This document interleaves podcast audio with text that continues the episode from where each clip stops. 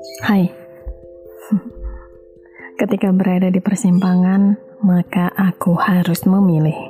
Untungnya Ana adalah orang yang mudah ketika menentukan pilihan dan hampir nggak pernah menyesal dengan keputusan yang sudah diambil. Karena udah memikirkan resiko dan hikmah apa yang didapatkan setelah memilih itu dilakukan.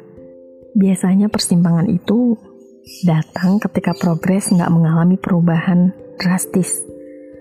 Misalnya punya target tiga bulan mencapai sesuatu nggak berhasil atau jalan di tempat, biasanya muncul tuh pilihan mau dilanjutkan atau dihentikan.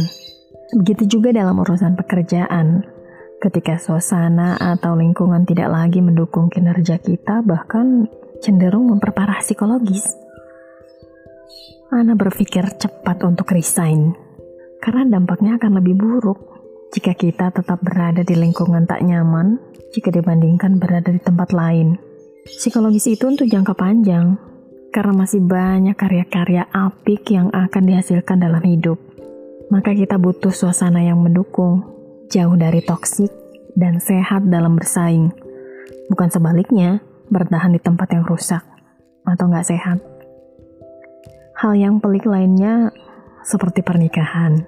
Kadang kaget aja, ada orang yang besoknya tinggal akad malah ngebatalin pernikahan karena alasannya prinsipil Ya, persimpangan seperti itu mau lanjut atau hentikan, ada yang bilang nasi sudah jadi bubur itu enak tinggal ditambahin cakwe, kecap, kerupuk, terus sambal jadi nikmat.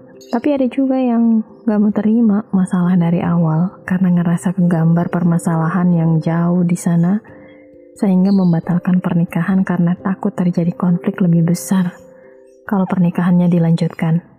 Terlepas dari itu, semua persimpangan bukan akhir dari segalanya. Itu cuma sebuah kedewasaan yang menuntut untuk bertanggung jawab aja terhadap pilihan. Kalau sudah diputuskan mau ke arah mana, yang gak lagi persimpangan namanya, tapi sudah berubah menjadi tujuan.